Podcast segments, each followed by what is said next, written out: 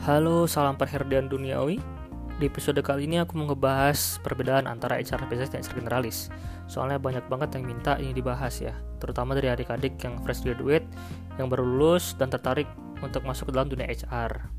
Nah, aku udah ngerangkum beberapa poin apa perbedaan keduanya.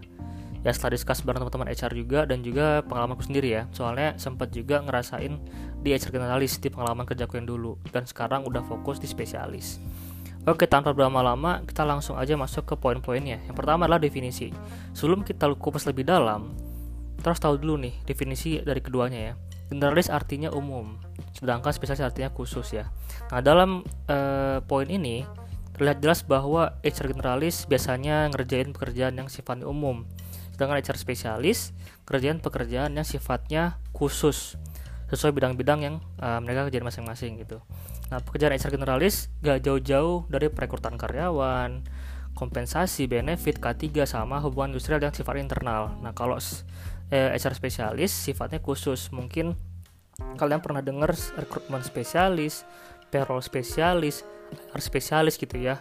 Nah, itu semua adalah spesialisasi dari masing-masing HR yang mana berbeda juga latar belakang pendidikannya gitu. Yang kedua, dari segi jumlah karyawan gitu ya.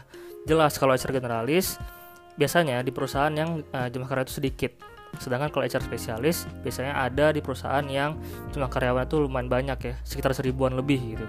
Itulah kenapa tim HR yang di perusahaan uh, yang kalau lebih banyak itu dia pakai spesialis mungkin saya belasan uh, orang timnya sedangkan kalau tim HR di generalis itu biasanya sampai 2-3 orang aja gak banyak gitu ya nah yang ketiga adalah spesifikasi pekerjaan HR generalis dituntut untuk melakukan hampir semua fungsi HR dalam waktu yang bersamaan, tapi mereka nggak dituntut untuk mendalamin semua fungsinya.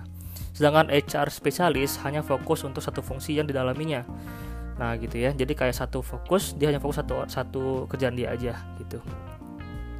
Nah saranku untuk adik-adik yang fresh graduate yang minat menjadi HR ada beberapa tips yang bisa dipertimbangkan. Yang pertama adalah kalau kalian suka ngerjain pekerjaan yang beraneka ragam, maka kalian cocok jadi HR generalis. Tapi kalau kalian lebih suka fokus dalam satu hal, ya kalian harusnya pilih HR spesialis gitu ya. Nah, kedua, kalau kalian lebih suka pekerjaan yang banyak dan dikerjain dalam waktu bersamaan, nah bisa kalian pilih HR generalis. Tapi kalau kalian suka fokus dalam kerjaan pekerjaan yang satu dan selaras, itu kalian pilih HR spesialis. Ketiga, tergantung lulusan. Nah, kalau kalian lulusan psikologi atau MSDM mungkin HR generalis cocok bagi kalian gitu ya. Tapi kalau kalian lulusan hukum mungkin kalian bisa fokus jadi IR spesialis psikologi bisa jadi rekrutmen spesialis bahkan IT pun bisa jadi HRIS spesialis gitu ya. Ya mungkin itu aja yang bisa aku share. Jadi pikirin dulu nih matang-matang. Mau pilih mana nih? Yang spesialis atau generalis gitu ya. Oke okay, see you next time. Bye bye